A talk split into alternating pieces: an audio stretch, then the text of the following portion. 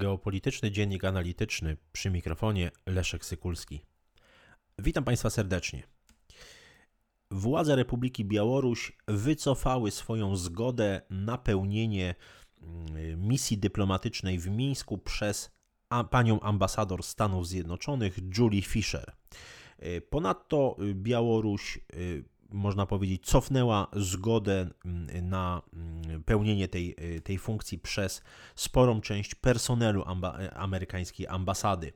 Y, cały personel przedstawicielstwa dyplomatycznego Stanów Zjednoczonych w Mińsku ma zostać ograniczony wyłącznie do pięciu osób.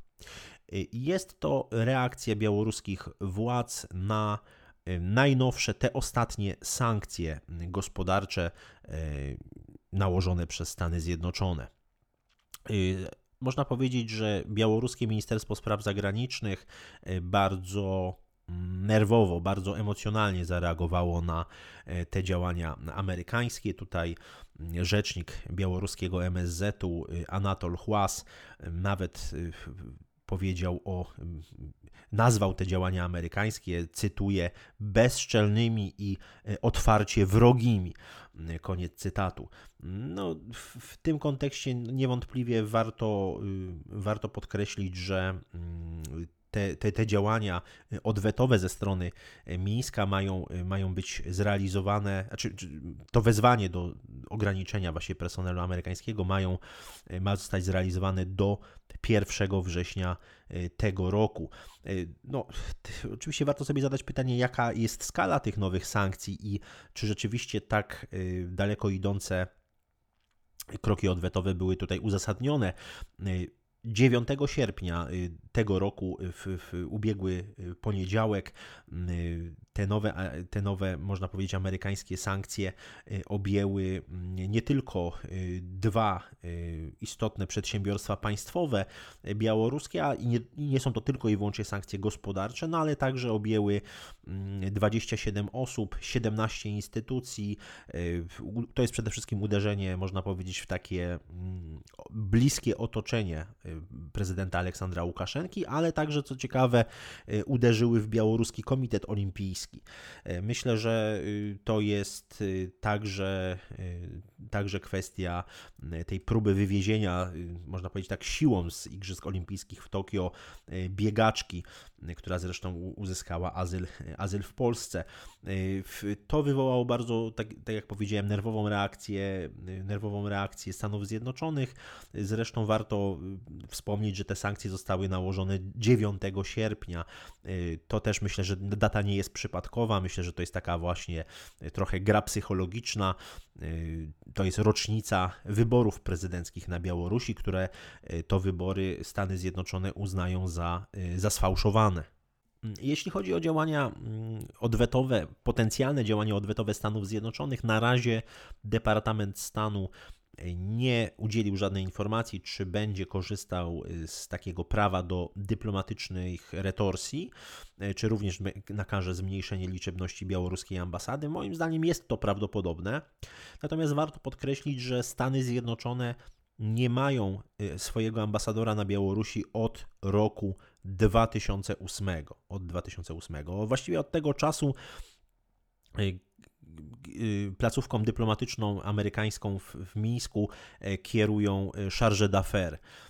W, oczywiście warto podkreślić także, że, że Mińsk również nie wysłał swojego ambasadora do, e, do Stanów Zjednoczonych. Wtedy to także była e, taka, można powiedzieć, reakcja na amerykańskie, e, amerykańskie sankcje. Zresztą nie pierwsze i właściwie nie ostatnie, ponieważ no, warto tylko przypomnieć, że takie bardzo bolesne sankcje, sankcje sektorowe wprowadziła Unia Europejska w tym roku. 25 czerwca marca 2021 mm, roku właśnie wszedł w życie taki bardzo y, daleko idący pakiet sankcji Unii Europejskiej. Y, oficjalnie oczywiście, jeżeli chodzi o y, tutaj argumentację Brukseli, to chodzi o naruszenia praw człowieka. Zresztą te wcześniejsze sankcje, kilka dni wcześniej, 21 czerwca, które były wprowadzone, one uderzały bardzo mocno w wszelkiego rodzaju osoby i firmy, przedsiębiorstwa, które stanowią takie, można powiedzieć, bezpośrednie zaplecze prezydenta, prezydenta Łukaszenki, no ale te sankcje europejskie uderzyły przecież także w państwowe banki, takie jak Białorusbank czy Bielinvestbank, które przecież kontrolują całkiem większą część aktywów y, sektora białoruskiego sektora bankowego. Tutaj bardzo mocno uderzono w te takie do, najbardziej dochodowe właściwie gałęzie eksportu dla Białorusi, przede wszystkim jeżeli chodzi o sprzedaż produktów ropopochodnych i no tutaj rzeczywiście to, to były sankcje bardzo dotkliwe, zmusiły one zresztą do negocjacji białorusko-rosyjskich i do e, no, ustępstw, dalszych ustępstw Aleksandra Łukaszenki względem, względem Kremla. W tym kontekście na pewno no, białoruskim rafineriom trudno jest, można powiedzieć, z dnia na dzień znaleźć alternatywne rynki, rynki sprzedaży.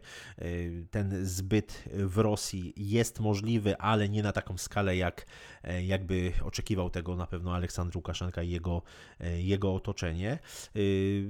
Podobnie zresztą te te, te sankcje na y, system bankowy są bardzo, bardzo dotkliwe i rzeczywiście tutaj bardzo mocno y, oddziałują na gospodarkę białoruską. Warto chociażby także wspomnieć o y, kwestii linii kredytowych, które przecież otworzył Europejski Bank Inwestycyjny dla, dla Białorusi, finansował projekty infrastrukturalne o wartości prze, przeszło pół miliarda dolarów w tym kontekście. W związku z tym no, widać tutaj tak naprawdę te działania, które, mm, które bardzo mocno dotykają gospodarki białoruskiej. Natomiast moim zdaniem y, na dziś y, system polityczny na Białorusi jest niezagrożony. Mimo wszystko, mimo tych bardzo, ale to bardzo dotkliwych y, sankcji, jeżeli chodzi o Unię Europejską z czerwca tego roku, czy właśnie tych ostatnich sankcji amerykańskich z 9 sierpnia, mimo wszystko uważam, że będzie, będzie to trend który będzie jeszcze bardziej wpychał Aleksandra Łukaszenkę y, w objęcia Władimira Putina, mówiąc takim bardziej obrazowym językiem.